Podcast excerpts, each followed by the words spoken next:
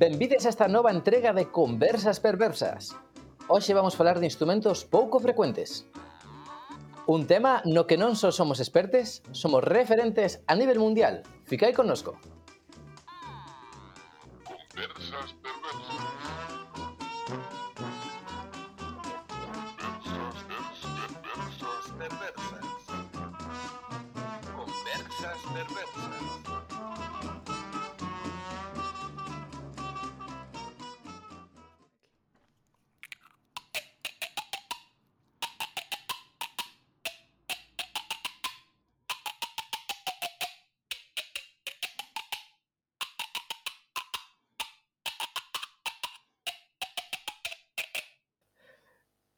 a todos vostedes eh, Buñere de Chantada interpretada para nós eh, polo...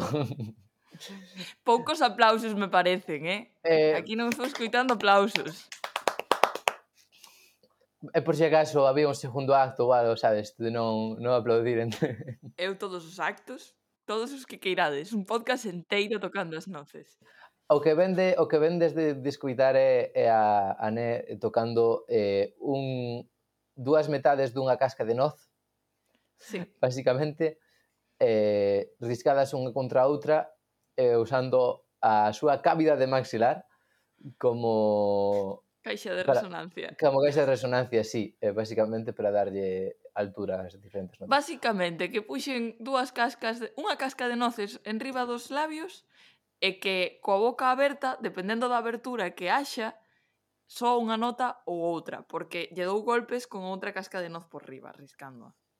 Podemos subir algunha foto ou vídeo a Twitter, se queren, para facerse a idea, que, por certo, o noso Twitter é ceba, arroba ceba rabaixa perversas.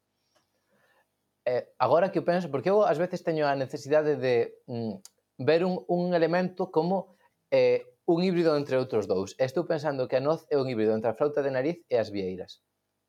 Sí porque hai que explicar todo isto un pouco da frauta de nariz, de que estamos a facer aquí. Estamos a, vimos falar de instrumentos pouco frecuentes, como escoitastes na intro.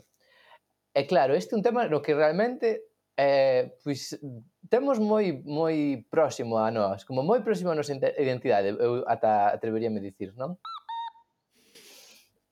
Sí, iso era o meu automatone dicindo que sí eu realmente desde crianza estive moi invested, moi investide, moi metide nisto de instrumentos raros. Porque é algo genial, é algo no que todo o mundo debería estar metido. Os tres anos regalanche unha frauta de nariz. E xa está. Eu tive unha primeira fase de instrumentos normais. Eu, cando era cativo, eh, comecei a, ca a camiñar para tocar un bombo, vale? Eh, a anécdota... Esa anécdota non a sabía. Non a coñecías. Pois eu, eh, en plan, deronme má, encantame eh, tocar no bombo, pero claro, cando era pequeno tiñanme que por eh, eh a beira do bombo e darme a maza. Pero un día quería tocala, eh, collín a maza, estaba tan contento de ter a maza que fun polo bombo no, eh, camiñando. E eh, non me digas máis, acabache ti dando contra o bombo e rompendo o bombo. Eh. no. No. Eh, a verdade, non, bueno, ou igual pasou iso non mo quixeron contar, isto coñezo por, por, eh, porque mo contaron, non teño lembranza del. Despois de, da, da miña infancia mm, de moi moi pequeno, eh, sendo amigo do bombo, eh, pois na miña casa meu pai tocaba o tambor, eh, pois tiñamos algún instrumento normal, e eh, pois facía parvo con el, rompín dúas baterías cando era pequeno, baterías de xoguete destas que te mercan. Pero logo, acabei por, por apañar un pouco de unha amizade cos instrumentos raros. Eu sei que de crianza, de sempre na miña familia, houve como moito gusto pola música, porque a miña nai gosta moito de escutar música e o meu pai, ao final, fixo case todo o grao de conservatorio de piano, non sei ata que ano chegou. Entón, para nós, o de tocar instrumentos era como algo moi presente. Eh, sí que é certo que ao principio non facíamos cousas tan raras, creo, polo que sei, os míticos sintetizadores para crianzas e que hmm. tivemos. E eh, tamén tiñamos un que era como sintetizador pero de instrumentos de como para facer DJ ou algo así, era moi chulo. Lel. Eh, e despois está a parte de moitas crianzas que nos introducimos nisto da música electrónica e de instrumentos raros a través de Colacao. Porque non sei se a ti che pasou, mas nos botes de Colacao había unhas baquetas sí que sí, facían sí. ruidos raros cando tocabas con elas. Había tamén unha guitarra. Eu conservo eses instrumentos a día ah, de hoxe. A, a guitarra, en plan, que se non, se non eh, estou errado, era como tipo Guitar Hero. Era en plan, creo que tiña como publicidade de Guitar Hero, tiña botóns pequenos de cores. Sí, tiña botóns pequenos de cores, o que acontece era que era só un anaco do mastro da parte sí, sí. estreita, entón ti tocabas no aire. Como se fose un ceremín, unha especie de ceremín. Sí. Entón era como rasgar a guitarra no aire, polo que lembro. Mm. Mas de todos os xeitos, eu é que tive unha sorte inmensa porque ia unhas clases que se chamaban AFI, que era aula folk infantil, que de feito aínda quedaron discos grabados daquela hai un vinilo que ás veces vou ao Culturgal e aínda teñen AFI, pedaciños de ceo, estou eu aí no medio. Seguramente non me recoñezades, pero estou aí no medio. Teño que facerme con ese vinilo. Teño unha casa, se queres un día escuitalo. E a cousa é que nesas aulas eran 4 horas os venres, onde nos tiñan un monte de crianzas tocando música tradicional, cantando música tradicional, mas non só música tradicional de aquí. Senón tiñamos un profe cubano, por exemplo, aprendíamos música cubana, tamén música de outras partes da lusofonía, era moi chulo. Entón eu ali xa empecé a chegarme como a instrumentos que eu percibía como raros, sabes? Porque non era a miña normalidade, pero entendo que para outras persoas son instrumentos normais. E xa foi como, ui, que guai mm. isto, non? E tipo, de súpeto un día viña unha persoa cunha zanfoña, tocábamos a zanfoña, a arpa, e algúns instrumentos que eran non sei os nomes, porque eu son horrible por os nomes, de feito, se facemos quiz, mm. vades velo. E unha das cousas que mío foi cando fun a un obradoiro de facer instrumentos. Eu sendo super crianza e teño dous instrumentos feitos con como unha cana de bambú, parece, que son como frautas. Agora soan fatal, mas eh, aí tamén aprendín, e por iso viña toda esta historia, a tocar as noces teño que recoñecelo, que non foi algo que se hizo de min, non son quen non inventou isto. Ti? Buah, que mal me parece. Pero sí, Teño instrumentos creados por min, que está bastante guai. Eu mando unha pregunta aos, aos, aos nosos ouvintes de mm, que instrumentos son quen de fabricar, en plan, instrumentos feitos a man. As noces. A, alén das noces ou as... Eh, non sei se se pode considerar as cuncas como un instrumento feito a man, porque moi xa ben feito, non? Pero... Xa. Iso que acabas de escoitar unha flauta travesera feita por min que non ten escala, mm, polo menos escala coñecida, quero dizer, é unha escala. Non é recoñecible ao, ao ouvido europeo.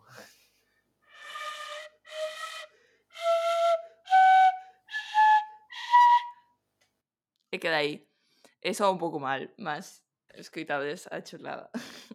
E tamén teño que recoñecer aquí a Manu, que hoxe non a teño aquí, mas prometo traela para outro podcast, que me regalou unha flauta de nariz e foi un dos mellores presentes de aniversario que tiven na historia e estiven anos con esa frauta de nariz indo polo mundo tocando cousas. Se non sabedes o que é unha frauta de nariz, ide buscar un vídeo no YouTube porque é imposible de explicar. Mola moitísimo a, a frauta de nariz. Eh, outra, outro que podedes facer na casa, que a mí encántame, é unha ocarina cun bugallo. Facedes un buraquiño nun bugallo e tedes que usar un arame ou algo para vacialo porque está cheo de un, un como unha goma espuma extraña, eh, presumiblemente un bicho morto dentro. Eh, pero unha vez sacades iso, que non de tanto as como parece, facedes máis buraquiños, soprades polo grande, tapades os pequenos e ides facendo notas. Mola moito. Sí, tamén poden coller a parte de arriba dunha landra e se lles mete, se lle metes os dous dedos e sopras polos dous dedos, fai como unha especie de silbato. Penso que era así. Temos que facer un canal de YouTube para subir videotutoriais. e logo facer unha orquestra só con eses instrumentos, non? A mí parece un planazo, eh? Falando de... bueno, temos unha, un, uns poucos canais de YouTube para recomendarmos, así relacionados con instrumentos pouco frecuentes. Mas, se queres, teño un quiz antes, que prefires? prefiro o quiz e eh, podemos vale. deixar os, os canais na descripción no caso que non nos dé tempo a dicir todo. A comentaros, vale. Mm, paga Ou se nos ocorran pena. despois. Tamén. Eh, pois eu teño un quiz preparado eh, sobre iso, instrumentos pouco frecuentes e por pouco ah! frecuentes quero dicer eh, pouco frecuentes para o para un par de rapaces eh, pseudo urbanitas ou pseudo urbanitas eh, de, de galegos, vale? Porque Urbanito esto varía total, moito. Eh? Sí, realmente sí, en plan... No, na Galiza todo é rural. Todo é rural, efectivamente. Eh, o meu ordenador está feito por poleas. Ti vives en Madrid. E os ordenadores tamén son algo moi rural. non vou defender esta afirmación. eh, daquela, A miña primeira pregunta tampouco ten que ver, en plan, nin, nin con esta definición ten moito a ver, pero pareceume digno de ser mencionado. Entón, imos falar da música hawaiana comercial, ou hawaiana, segundo queras pronunciar. Eh, jahuaiana cojeada no W, que isto foi algo que Joaquín fixo nun momento dicindo Wikipedia. Se non sabedes quen é Joaquín, podedes ir ao noso episodio de Ensoños Falo Galego. Eh, efectivamente. Pois, imos falar da música Japahole, que foi a primeira, o primeiro tipo de música hawaiana eh, que se comercializou nos Estados Unidos e probablemente mm, a que teñades escuitado se vistes algún eh, deseño animado de Mickey Mouse en Hawaii ou algo así, non? Entón, esta música ten orixen no século XX con Sonny Cuña, que era de nacemento hawaiano, pero seu pai era, opción A, galego, opción B, Uh, brasileiro, uh, opción C, azoriano. Uh, canta lusofonía. Eh, eu só quero dicir que se naceu no século XX así e tal, tradición non é, non? En plan, é algo folclorizado. Eh, sí, sí, totalmente. É dicir, vale. é unha, é unha adaptación comercial eh, con eso, eh, partindo de, dunha certa tradición musical. É con moita innovación recente e, eh, e daquel momento. Hmm. Pois, eh, por estatística, seguramente sería máis probável que fose unha persoa brasileira, porque Brasil é moi grande, non sei se vos decatades.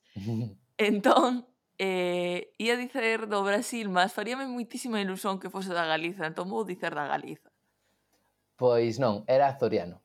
O pai de Sonny Cuña era un inmigrante azoriano dos moitos inmigrantes azorianos que foran a Hawái, o Hawái, que eh, non sei se sabides que era algo que aconteceu, pero sí aconteceu durante os finais do século XIX unha chea de xente das Azores migrou para lá eh, eh, e levaron que isto é moi importante, porque en, en Hawái, originalmente, digamos, a nivel patrimonio tradicional, tocabanse instrumentos de percusión.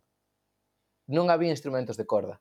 Entón o ukelele é unha mentira. O ukelele é... un é... cavaquiño. O, o ukelele é un, é un descendente do cavaquiño que levaron os azorianos para Hawái.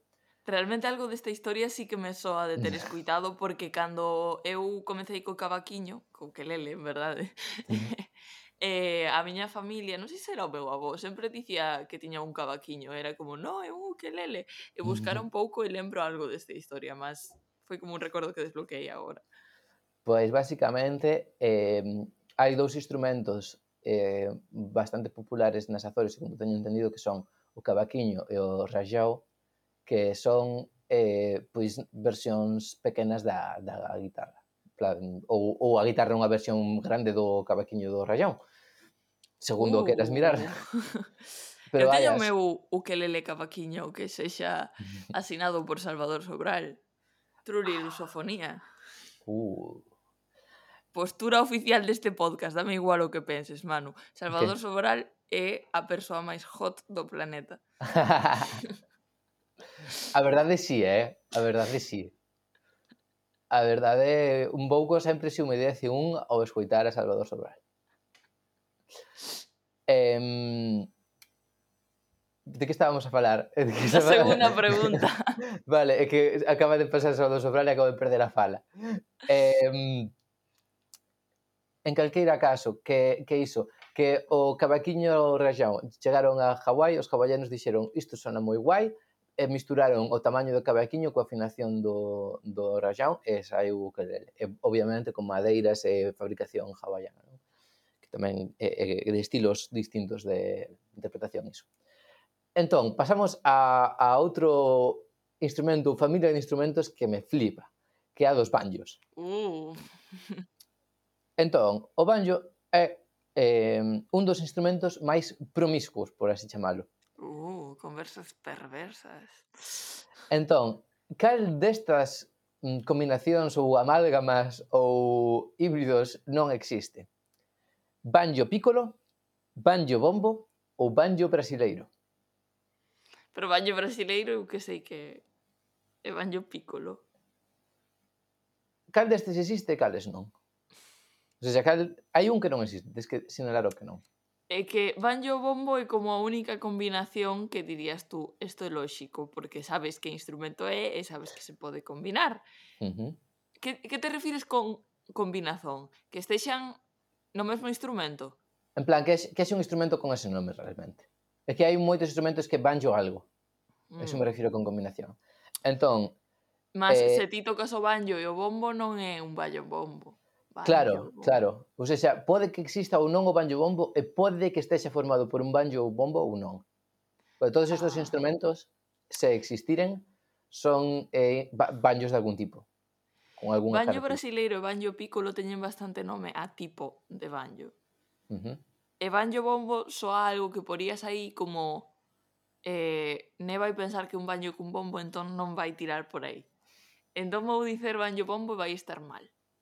Banjo, dis que non existe o banjo bombo. Exacto. Vale, pois pues, efectivamente non existe. Ei. eh, o banjo, o banjo piccolo é un, un banjo eh, afinado máis agudo. É un banjo de catro cordas, penso, eh, en plan nun registro máis alto. Como, en plan, como, non un banjo soprano, un pouco máis alá, un banjo piccolo. Eh, agora, outros eh, tes que sinalar destes tres e logo xa falamos máis eh, eh, en profundidade. E o banjo brasileiro? xa falaremos del noutra pregunta que vai ver máis adiante. Eh, cal destos, é a mesma pregunta, cal dest, destos tres non existe?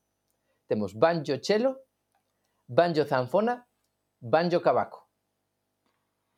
Isto parece algo moi interesante. Pero non estás falando dos cazús. Chegaremos, chegaremos os cazús. Vale. Eh, Podes repetir? Si, sí, cal destes tres non sí, existe? Si, sí, son as opcións. Banjo chelo, banjo zanfona, banjo cabaco. E que banjo cabaco, banjo cabaquiño, queres dicer, en plan... Eh, se existe, é coñecido como banjo cabaco. Mm, É que baño zanfona pareceme unha idea tan chula que non quero escoller que non existe. E se non existe, quero patentar... Non vou patentar cousas. Patentar cousas está mal. Vou facela eu. eh, banjo eh, chelo era a primeira. Uh -huh. Tamén me parece unha idea super chula. Me ponía moi triste que non existise. Entón vou dicer banjo cabaco. Vale. Dis que banjo cabaco non existe. Exacto pois está cerrado. O Banjo Cabaco si sí existe. Non, eh, o, iso cal eh, implica que non existe. O, o Banjo Cabaco é outro nome para o banjo brasileiro. Ah. Eh, ven sendo un banjo co tamaño e afinazón do cabaco. O banjo cabaco mola muitísimo, se tedes que escoitar o banjo cabaco. En, en Brasil se coñece como banjo, a secas. E foi un instrumento introducido, creo que na década dos 70, 80, nas rodas de samba porque os cabacos non sonan moi alto. O curioso é que se introduciu como unha alternativa ao cabaco para eso, que teña máis sonoridade, e ao final acabou desenvolvendo unha técnica un bocado diferente do cabaco original. Ten o seu, a súa propia técnica distinta e un son moi particular que me flipa. O banjo chelo... Isto, isto soa a típica cousa que podería ir pola noite ao salón e topar o meu pai vendo porque meu pai é moi fan de, de súpeto aparecer un día e estar mirando vídeos de instrumentos super raros. O banjo si sí existe. É un e non é moi habitual, por iso está neste podcast. O non existe. Non existe. Ocorreuse a min pensando en algún banjo que, que, que tivese que inventar. Me dixen, iso sí é super guai. Por favor, que, se alguén se alguén ten material e tempo, por favor, que faga un banjo zanfona e nos, nos lo mande polo Twitter. Facemos un crowdfunding. e eh, facémoslo nós. Ah, sonaría, en plan, non sei como sona un banjo, porque o banchelo non se to, non é frotado, eu tócase normal cunha cunha púa ou con púas de dedos ou a Isto está a ser a pregunta máis triste do quiz. Por? Porque eu quero un banjo tocado cun arco. Hai unha canzón en Eurovisión este ano que tocan a guitarra cun arco. Uh, Jimi Hendrix está aí. Eh, non era Suecia. Teño que buscalo, despois porei a ligazón na descripción. Pois, eh, pasamos á terce, eh, cuarta pregunta. Xa. Cuarta, levo dúas mal e unha ben. Fatal. Se quixeres mercar un billimbau eh, na Galiza tradicional, onde irías? Opción A, un obradoiro de gaitas. Opción B, unha ferraría. Opción C, unha funeraria. Isto debería sabelo, porque teño varios. Entón, sei que polo xeral nas ferias de artesanía uh -huh. venden berimbaos e véndenos con outros instrumentos. Mas eh, é que realmente nun obradoiro de gaitas podes ter berimbaos. Quero dicer, é algo que está aí porque teño comprado a xente que vende gaitas tamén berimbaos. Mas algo me di que esta pregunta non pode ser tan fácil que ten algún truco. no, Podes no. repetir. Vale. Se quixeres mercar un birimbau na Galiza tradicional, o sea, na Galiza tradicional, quero decir, tradicionalmente eran vendidos neste establecimento. É, é mm. o meu punto. Antigamente. Eh, sí. Entón teríamos eh, obradoiro de gaitas, ferraría ou funeraria. É que me faría tantísima ilusión que fose nunha funeraria tantísima ilusión e que estou respondendo este test simplemente pola ilusión que me farían as cousas. E o mundo en xeral non me fai ilusión, así que non vai estar correcto, pero non a funeraria. Desposta de definitiva, funeraria? Sí. No, esa puxena para despistar. En plan, porque tamén oh. sería moi guai, a verdade.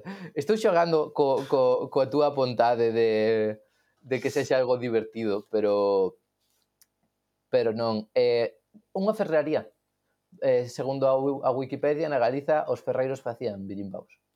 Pero para algunha cousa en concreto? Para Para tocalos, porque para que os van facer? Non sei, é unha ferraría. Para venderlos e xente mercalos. Mm, en plan, se querías un birimbau, tiñas que pedirlle un ferreiro. Tradicionalmente, segundo a Wikipedia, polo menos. Pasamos á seguinte pregunta. Levo tres mal e unha ben. Cantas Co preguntas son onte? Son nove. Ui, aínda podo recuperar. Aínda, aínda se pode recuperar, sí. Veña, dalle. Imos a seguir a falar de eh, Birimbaus, ou como se coñece na lusofonía, Berimbaus en Portugal, eh, ou eh, Birimbaus de boca no Brasil, porque no Brasil o birimbau é un instrumento distinto, que é o que se coñece como birimbau de peito.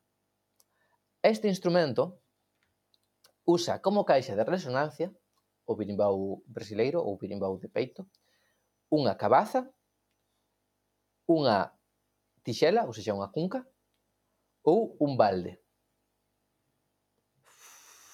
É que isto só a típica cousa que eu vin nalgún momento buscando por internet e non me lembro. Podes repetir as opcións? Cabaza, cunca ou balde? Vou dicer cabaza. Por que? Non o sei. Correcto. Ole, ole. unha que acerto. Como é exactamente? Hai unha canzón que di birimbau un pedazo de cabaza, unha corda e un pau. É basicamente iso. Se cadra me por iso, por que esa letra soame? É basicamente un arco, como os arcos de, de lanzar frechas, pero cunha cabaza nun, nun extremo que fai resonancia. E só ten unha corda? Sí.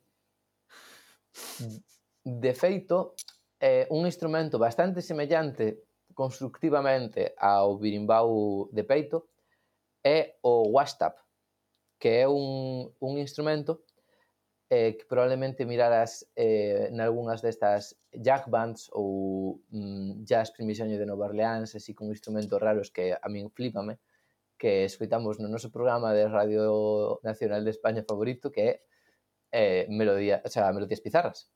Sí, melodías pizarras. Melodías pizarras, de Radio, Radio 3. En plan, polo, ou seja, eu durmo máis tranquilo pola noite sabendo que partes dos, unha pequena parte dos meus impostos van a gravar ese programa. Xa, a verdade é que sí. eh, entón, un WhatsApp é un instrumento que consiste nunha, nun pau rígido e eh, largo eh, atado por un extremo unha corda e a corda vai atada noutro extremo a un balde que vai no chan eh, e o pau vai amarrado tamén a ese balde. Entón ti eh, vai, subes ou baixas a modo de panca ese, ese pau para facer para tensar ou destensar a corda facendo distintas notas. E como un contrabaixo. Eu hei de dicer que nunha eh, canción de Froalle temos un instrumento semellante que basicamente fixo, está no estudo novo, que é onde nos gravamos, eh, de, o selo discográfico de Calavera, eh, basicamente é como unha táboa de madeira e ten eh, como dous cravos, non, algo que sai para fora. E así enganchas unha corda. Entón, uh -huh. con esa única corda, ti dependendo de onde poñas o dedo e de onde vayas tocando, vai facendo un son ou outro, é como un monocordio. Digo, si, si, un monocordio. Claro. Pero feito polas persoas do estudo. E nun dos temas agora non lembro exactamente en que lo metimos, pero collimos eh, un destes cousos de metal para... Un slide. Eso, un slide. Eh, fomos tocando no fomos tocando no monocordio e deslizando e dá unha sonoridade super chula deixaremos na descripción o meu grupo Froalla e concretamente esa canción é que estou acabas de acabas de me recordar que mm, porque estábamos vendo que instrumentos eh, pois pouco frecuentes tiñamos pola casa. Eu estou acordando de que efectivamente eh, teño un slide oh. que non, o non é un instrumento per se, pero unha técnica que torna calquer instrumento un estrano. De ah, feito, no, no, no. Chulísimo, por favor. Chulísimo. De feito, eh, acabo de recordar que o slide de marca que merquei en plan nunha tenda teño en Pontevedra, pero teño aquí o meu slide que uso eh, que usaba antes de ter mercado un, que é basicamente un, un couso de pintalabios. Sí, unha exactamente. Unha, como unha tapa, eu tamén facía o mesmo.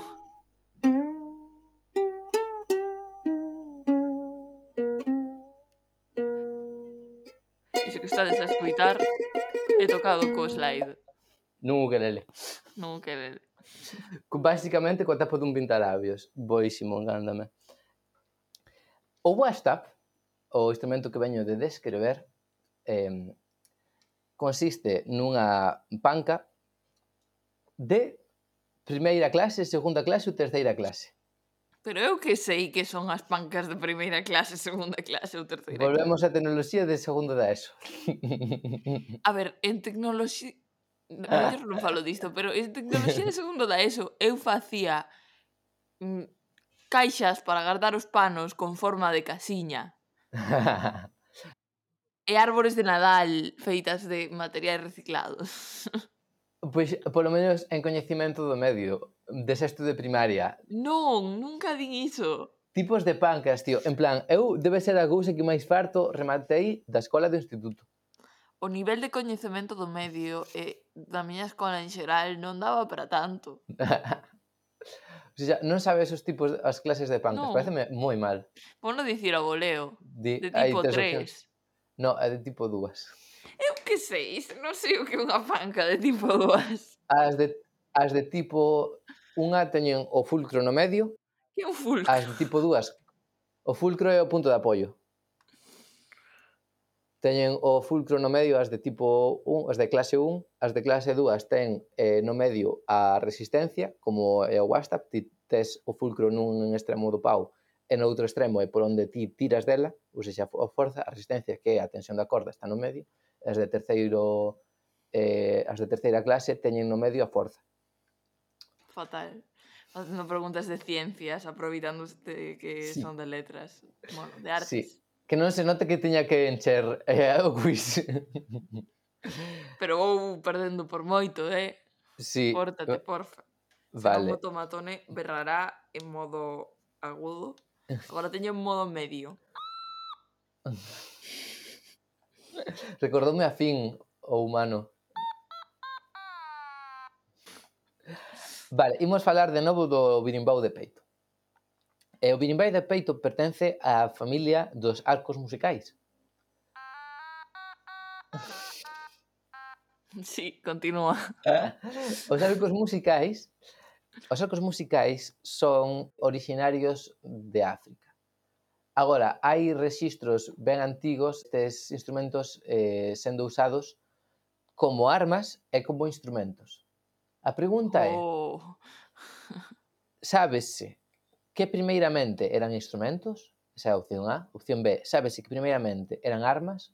Ou a opción C, non se sabe se foran eh, mm, eh, originados como armas ou como instrumentos musicais. A min gustame creer que nunca houve un momento en que estiveron separados. Sabes que a música implica violencia. Entón, eh, hai que sempre ten que ser un instrumento e un arma. É parte da súa esencia, é como intentar non sei, separar as patacas da, da cebola na tortilla, é eh? como, non. Eso é a súa esencia. Entón, vou dicer que non se sabe porque realmente sempre estiveron xuntes, eu sí que o sei. Pois pues tes razón. Non sei se Ole. realmente sempre estiveron xuntes, mas eh, non se coñece arco, eh, históricamente cal veu primeiro. Agora hai que facer un berro de alegría co tomatone, como se dice levas tres ben, tres ben. E catro mal. E catro mal. Ainda podes gañar. Veña, veña, dalle, rápido, vale. seguinte. Esta é moi sinxela. Cal destes instrumentos non é de orixe ou raíz africana? Ui. Cazú, banjo ou calimba? Non sei exactamente eh, non sei exactamente, mas o cazo teño aquí. E a calimba tamén soa a nome... Eh, nome africano. Non quero caer en tratar África como un país e un estereotipo. Pero é que non teño outro sitio onde aferrarme. E temos tamén o banjo. Eh, un deles non é de orixe ou raíz africana. Antes falaras do banjo. Uh -huh. Pero non sei se chegache a dicer que orixe tiña. No. De feito, non o fixen a propósito. Eh, simplemente esqueceuse en plan... Non debería ter mencionado e, por sorte, non me confundín e mencionei a orixe sen querer. Vou dicer o banjo. O banjo non é de raíz eh, africana? Resposta definitiva? Estás a mirarme moito e aparte parece como demasiado obvio porque Kalimba e Kazoo soan a africanos, mas o Kazoo tamén podo pensar que é brasileiro porque me ten alma de brasileiro o Kazoo. Curioso, vale? Entón, non mudas de, Estereotipos. non Eh, mudas de ideia. No. Vale. Pois o banjo sí é africano, sinto dicircho. Eh, o banjo eh, é, de, é un instrumento de raíz africana que logo foi reinterpretado nos Estados Unidos eh, dado o nome de banjo, que non se sabe moi ben a etimoloxía de banjo, pero pensase que veu o do portugués ou do español eh, de bandurria ou de algunha variante de algún nome de algún instrumento de corda eh, ibérico. Eh, mas eh, a nivel construtivo musical é eh, originario de, en plan, de raíz Entón era calimba. A calimba tamén é de raíz africana. O kazoo é un instrumento que se inventou nos Estados Unidos no sé, eh, fai un século e pico fatal, non gosto deste quiz. Que, que teño que facer se perdo? Un, eh, nada, seguir tocando instrumentos raros. E se gañas ah. tamén. Xa está. Teño que subir unha cover. Unha cover. Boa, eh, sabe, unha, unha, unha, un canal que falta no, no conteúdo de galego nas redes. Hmm. Xitiflut de eh, cancións en galego. Por favor, sí. Necesitamos eh, muñeiras, necesitamos o himno galego, necesitamos... Eh, Uno facer eu. Necesitamos anaquiro, eh, todo iso ten que estar... O City Fruit, por certo, é un xénero de YouTube no que tocas a flauta desafinada a propósito.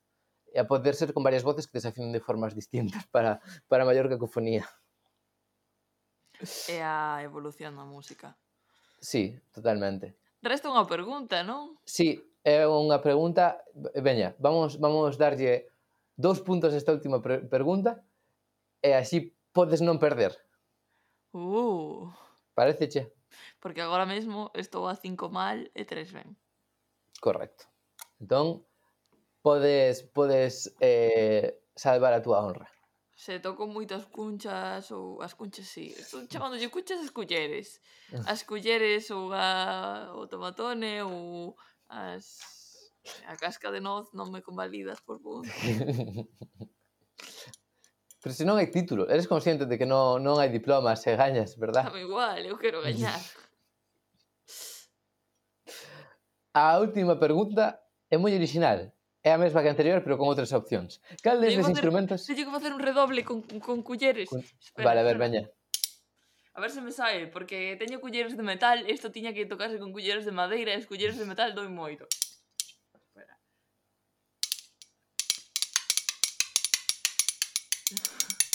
Cal destes instrumentos non é africano de orixe? Outra vez? Sí. Berimbau, no sentido europeu do berimbau, ou seja, o, o que se toca na boca, a arpa de boca tamén coñecido, eh, a cuica ou o agogó. Que é un agogó? O agogó é, tamén coñecido como gan, eh, ven sendo como un instrumento que consta de tres eh, campanulas. Tres ou dúas eh, e tócase cunha baqueta. Seguro que viches algunha versión desel en blocos de carnaval, en comparsas, hmm. que teñen na, no set de percusión teñen un para darlle. E cales serán os outros? Cais eran os outros? O birimbau eh, no sentido galego, no sentido eh, europeu, ou a cuica.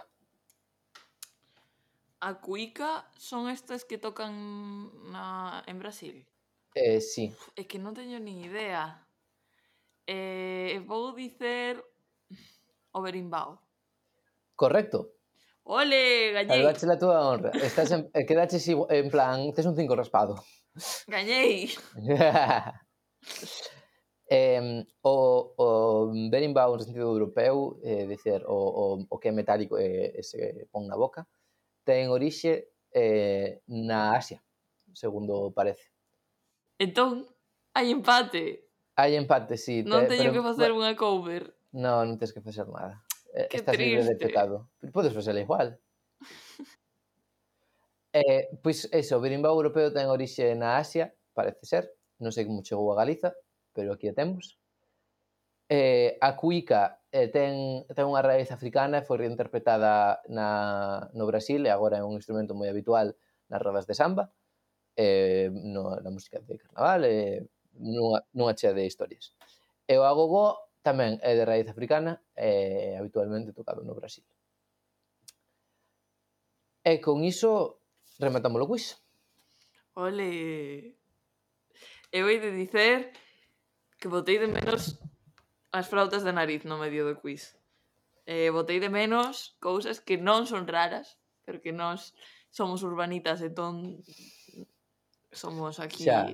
o peor do peor, como o charrasco que me parece un instrumento maravilloso que eu toquei. Cal é o charrasco? O charrasco? Igual é se un... me describes aí cal é, pero... É un pau vertical que ten como outro pau en perpendicular, entón ten unha corda e arriba ten como unhas ferreñas da pandeireta hmm. colocadas como nunha especie de cadrado. Entón sí, ti tes un sí. pau que vas rascando. Que? É como, son como unha grella. De sí, como unha grella de vale. ferreñas de pandeireta. Hmm. Entón ti vas rascando a corda cun pau específico que ten como textura. Hmm, hmm, entón, vas facendo mentre rascas e mentre estás no chan tss, e iso tocao eh, tocano en Bayuca nice toca o Xosé Lois Romero eh, tamén o toca en Aliboria, Xosé Lois Romero e Aliboria. E iso podedes ir ás ligazóns do podcast e escuitar todo isto que falamos. Na descripción tedes do que estamos a falar. Eh, eu eh, tiña tamén por mencionar eh, a lingua de sogra. A lingua de? Sogra. Coñecido ah. por probablemente sí. moitos coñeceredes eh, por matasuegras en español. Non fai falta traducir todo. Entendes? Non fai falta traducir todo, pero bueno, eu digo porque ademais, segundo pesquisei, é un nome que é originado no francés, importado ao portugués e eh, ao galego, e do galego pasou ao castellano. Wow. Así que lingua de... Originalmente era lingua de... En plan, literal, o nome original que tiña era en italiano era lingua de non sei quen, era unha persoa, tiña nome dunha persoa que parece ser que era un rei africano. E acabou sendo Matasuegras. Acabou sendo eh, Matasuegras ou Espantasuegras, dependendo da zona de, da hispanofonía na que fales, lingua de sogras en toda a lusofonía. Wow. Eh, é unha, unha fantasía, verdade. E, eh, bueno, parece ser que se lle coñece na lusofonía como lingua de sogras, porque as sogras tenden a ter eh, unha lingua moi moi longa. Ou ese é o estereotipo. Wow. Chegamos xa. a ser un podcast boomer. Non pode ser, xa. temos que cancelar todo. Por certo, é etimoloxía, eu non inventei. Isto que sou no medio de É unha especie de frauta clarinete que fixen eu e ir de dicer tamén que algo que eh, me parece maravilloso e que eu tamén sabía facer máis que co paso do tempo esquecino e teño gana de volver, voltar a aprender polas tanxugueiras porque vi un vídeo delas e dixen certo, eu sabía facer isto, que guai está.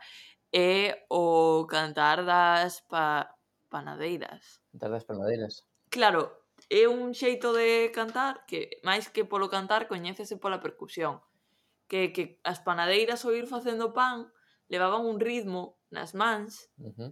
que iso incorporábase á hora de cantar e cantaban cancións por riba. Pareceme super chulo porque combina dar golpes na mesa uh -huh. co puño con dar golpes coa man, darlle a man a volta e mentras facían iso iban facendo pan. É algo tradicional galego que se está perdendo a min ensináramo tamén eh, o profesorado de AFI, así como a tocar as culleres, a tocar a pandireta, a pandeira, o pandeiro, todo.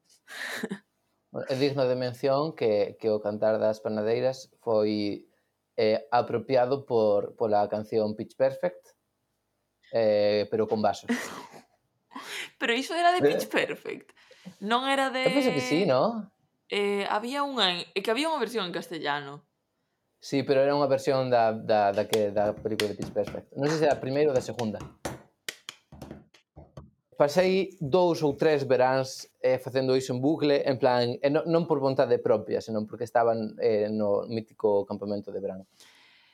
Eu sei que nos campamentos de Brau ritmo que había, ritmo que nes había e que repetía até a saciedade. Eu teño un problema con iso de aprender ritmos de... Intentei, intentei sacar eh, con isto de aprender ritmos Ritmos de Aliboria, de Xosé Luis Romero de Aliboria, coas culleres, e pareceme imposible, por favor, alguén eh. que dé a clase de como tocar as culleres como as rapazas de Aliboria, que non lle sei o nome, perdón. Estou pensando, en xeral, hai que facer unha unha escola, un conservatorio de instrumentos pouco frecuentes. Que non sexa conservatorio. un sitio de encontro, un estudo. Un, un sitio de encontro. un lugar de aprendizaxe. Sí. Por favor, eu necesito iso. Eu non podo ensinar a tocar nada alén do ukelele en malamente, pero ofrezo. Eu podo ensinar a tocar as eh, noces, eh, as non noces. sei, cousas así moi raras. Estou me imaginando a NEC como eh, profesore chegando a clase, eh, bon día alumnado, hoxe eh, son o vosso profesor de noz. sí. Neste curso vedes aprender a tocar a loz. Que isto é algo que non falamos no episodio de frutos secos, que pode ir escoitar. No. Pero que deberíamos ter falado. Igual había que reinterpretar eh, os tiers e engadir unha mención honorífica, en plan, como todos os, todos os, os fruitos secos que podan ser usados como, como instrumentos, suben un tier. Entón... Entón, a Landra xa é super suprema. Claro, porque a landra tamén pode ser, pero non dá notas, sabes? É un instrumento que, bueno, non sei se pode ser, hai que probar. O próximo día que fagamos un podcast, non digo de o seguinte podcast a este, porque seguramente metamos temas polo medio, mas xa o falamos, temos que facer en algún momento algún podcast realmente tocando os instrumentos que nos temos. Eu agora estou en proceso de ordenar a miña casa e de mudar o cuarto, entón é un pouco difícil que os tope todos. Por iso hoxe non está connosco a frauta de nariz, que é o máis triste que pasou neste podcast desde o comezo. Mas temos que facer algún podcast tocando instrumentos. Se tedes algunha suxestión, podedes facela polo Twitter. Mas nós tiñamos algunha idea por aí de facer covers ou de adiviñar que instrumento estamos tocando. Se pode molar moito. Sí. sabes que instrumento teño moitísimas ganas de, de facerme con el? Cal? Washboard. Uh, sí. Táboa de lavar. Pero iso podes coller unha táboa de lavar de normal. Pero o problema é que na Galiza todas as táboas de lavar son de madeira. Podes tocar unha de madeira e reinterpretar o son. Isto de purista da tradición. Escoitei, escoitei un grupo galego que tocaba mm, blues eh, rústico, ou seja, blues primisenio, tirando a blues do Delta e así. Uh que usaban efectivamente unha Washboard de madeira. Non sei se por, por gosto ou por necesidade, pero digo cheo que non era o mesmo. Eh? Eso é como as, as culleres. Non sei por que chamo cunchas as culleres. Eu toco as de metal e doime as mans e podo tocalas igualmente. Levo tempo sen tocalas, aí diz. Non sei se queres comentar algo máis de instrumentos, así para ir pasando a pregunta. Sí, sí, porque xa, xa nos está a rematar o tempo. Eh, Pois realmente non teño moito... Penso que... Ah, Pum, mirar, teño algún así por mencionar que me parece importante. A min pareceme que non falamos o suficiente destes tambores que dan notas, eh, que son como de metal. Tampouco Timbais? falamos... Que?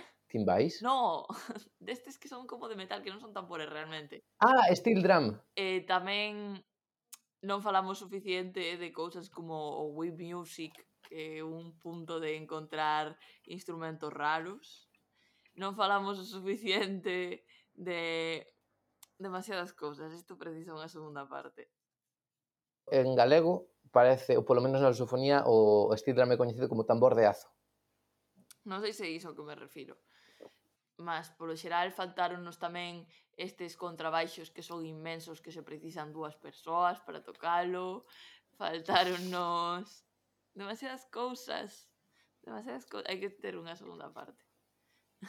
Sí, a verdade sí. En plan, estaría guai eh, falarmos de, en plan, dos instrumentos raros, pero en plan, os que xa gustan máis, os que eh, son como o octavás, aquel que era un contrabaixo xigante. Eh, teño tamén en mente hai un que hai un instrumento que como tes que mollar as mans e tes como que tirar dunhas duns cilindros de vidro e de cada cilindro é unha nota. Hmm. E tens que ter as manos molladas porque, porque tens que frotalos. Como, é como, como que se ordeñas, é unha cousa rara. Wow. Mola moitísimo. Temos para o terceiro, cuarto, quinto, sexto episodio. Sí. Podemos dedicar cada episodio a un, un instrumento deses. Totalmente. Podíamos, podíamos facer a partir de agora conversas perversas vais sobre instrumentos raros. E xa está. Bueno, iso teño que dicilo eu coa pregunta final, que non nos vai dar tempo. Que non a tiña preparada antes do podcast, entón preparei na correr, e como falábamos de música, estamos agora con Eurovisión, aínda que non sei cando vai sair isto, aínda falta para Eurovisión, entón pode ser que aínda cheguemos en tempo cando publiquemos isto. E vai... Xa sabemos que non van tan xugueiras. Xa. O sea, xa... Super mal. É, eh, é, eh, é eh, todo o que sabemos. Pero temos esperanza porque hai outras cousas super chulas como Fadovicha, que pode ir por Portugal. Adoro Fado Bicha, tens que escoitar eh, Fado Bicha. Creo que escoitei, que, eh, que, que canzón tiña? Pobo pequenino. Eh, que, que, que estilo era? Fado, pero reinterpretado. Vale, penso que escoitei, pero non, non, non me lembro. Bon, isto, para que nos dea tempo a fechar, vai sobre as preseleccións de Moldavia. Porque isto é algo que eu, eh, a xente non sabe moito sobre min, que eu son super fan, miro preseleccións, vexo comentarios e... Cuidado. Deixamos claro que Eurovisión está un pouco mal por certas cousas que hai dentro, pero jo, ao final é moi difícil un consumo ético de calquera cousa no capitalismo. Deixa de meter É un produto de consumo. E ten os problemas que teñen os produtos de consumo, xa está. Claro. Pois na preselección de Moldavia, isto vai ser o que tes que dicer se é certo ou, ou ia dicir se é certo ou verdadeiro, se é certo ou falso, é que había moitas cancións cun nivel que está extrañando un pouco a xente eurofan. Por, por baixo ou por alto? Xulgao por ti mesmo agora, cando... Vale. Presentouse un rapaz que é moi flaco, que ten así a voz agudiña, que canta como moi emocionado e xesticulando que a súa canción chamase I just had sex with your ex. En plan, acabo de ter yeah. Mm, relacións mm, co teu co, co teu ex e que a letra basicamente di eh, a miña vida é un desastre, a miña vida é grotesca, acabo de ter relacións co, coa tua ex parella. Despois había outra persoa que era un señor maior que canta agarrando o micro como galloso. Está moi quieto. É unha técnica moi boa realmente. ¿eh? Despois había un grupo de persoas que eh, cantaban a unha alfombra máxica que voa. Tamén había unha señora que cantaba co telemóvel diante porque non se sabía a letra e desafinaba moitísimo cada vez que miraba o telemóvel. Pero, a pesar de todo isto, a proposta que creo que xa é definitivo que vai a Eurovisión é unha que basicamente fai como folclore un pouco modernizado eh, non sei ata que punto é folclore ata que punto está folclore non sei eh, tira algo como do Ucraína do ano pasado como? algo como do Ucraína do ano pasado no, diferente de feito, diferente, Chapas, vale. en plan, a canción está todo o tempo cantando ei ou oh, let's go, folclore and rock and roll. É así todo o tempo. Vale, está ben. Todo isto é certo ou é mentira? Todo, todo non sei. Ah? Ah? Ah? Pode haber non metido un dato que sexa mentira. En plan, queres que te sexa sincero? Sabes que cal, cal me parece menos verosímil? Cal. O da alfombra máxica. Por que o da alfombra máxica? Non me parece un tema polo que, do que a xente cantaría en Eurovisión. En plan, podo ver perfectamente que haxe unha, unha, unha señora ou unha rapaza eh, con cartos que pagou alguén importante para lle faceren unha, unha canción e non tivo tempo de aprender a letra ou ganas de aprender a letra, isto estaba vendo no móvil. Podo, podo verlo perfectamente. Entrou, entrou en, en, no, na preselección por influencia. Podo verlo perfectamente eh, podo ver perfectamente eh, un, un rapaz delgadiño eh, con voz aguda que, que faga esa maravilla de canción, parece, pois, xa, podo velo. Podo velo un señor que non se mova moito, pois sí. Pero que é a versión eh, de Galloso moldada. Versión de Galloso moldada, pareceme. Ou seja, o, de, o do por o o micrófono no queixo, poñelo no mento, é, algo, é unha técnica que existe, non a inventou Galloso, aínda que non o creades. Eh, E xa está, pero da alfombra básica descoloca... Ah, bueno, o do folk rock and roll, pois, pois non sei, en plan, Bob Dylan xa fai medio século que existe, en plan... Podes facer todos os retellings que queras. Entón? En plan, pero pode, é que podedes ter inventado calquera, calquera, calquer detalle. Pero tamén é certo que ti non eres amigo de por cousas falsas, normalmente sempre pos verdadeiras. Entón, non sei, eu vou dicir que é verdadeiro. Non! É verdadeiro. É verdadeiro. Vamos! Eh. Non pode ser, acabamos de equilibrar. ¿eh? Eu antes fuxera dous. E agora tipos dous. Pois sí, mm. por favor, ide ver as preseleccións de Moldavia, encántanme. Son maravillosas. Eh, e a canción de eh, a alfombra voadora é bastante graciosa porque está en escena cunha alfombra movéndoa. Ah, ni sequera es voadora, están abaneándoa. Sí, porque aparte Moldavia debe ter como pouca tradición de Eurovisión, entón presentas aí cada persoa que é maravilloso, encántame, moito mellor que o Benidorm Fest, eh, moi recomendável, e non teñen como postas en escena feitas ali. Supoño que farán algunha posta en escena especial para a Eurovisión porque polo fondo hai como, non sei se sabes, o principio mm, dos 2000 os reproductores de audio nos computadores, sabes? Sí, de, o sea, o reproductor de Windows Media. como imaxes psicodélicas por detrás. Ah, sí, sí, sí. Pois imaxes sí. así de fondo, o sea, xa é unha maravilla, é o futuro da música. E xa está. Tes algunha idea para o próximo podcast que queiras facer? Pua, sigo querendo facer o que o que quería facer para este, pero penso que non, non vou ter tempo para, porque é un tema que quero preparalo con moito Dixemos cariño, así, que hype. que é falar de é falar de John Balan. Figura maravillosa da cultura galega. Esencial, claro, esencial para, para a idiosincrasia da Ría de Pontevedra. Hmm. É así? Tierra de María. Eh, pero claro, eu estou con traballos, eh, ne, tamén está bastante tarifado, entón está por ver. Pero senón, pois falaremos pois, ou do, de outros instrumentos ou de calquera tema. Deixámolo aberto, non nos fechamos. Ha de vos gustar. Se queredes propor algo tamén polo Twitter podedes deixar ideas, que sempre está ben. Totalmente. E dito isto... Pois con iso despedímonos. Sí. Eh, non sei se queres engadir algo antes, senón... No. Ah. Ch Chao. Chao.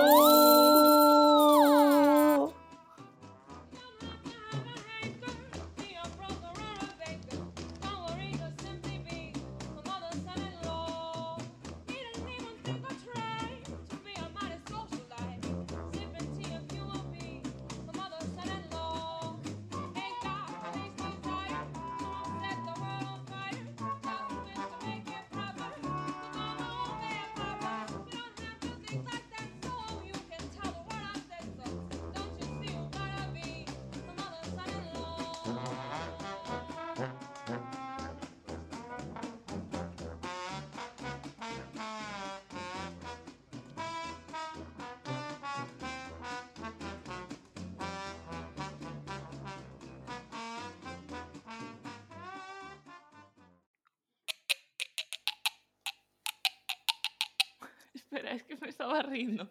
Toma dúas. No, pero cortamos esta parte. ¿Cómo sí, era muñeira de chanta? vale, ya está.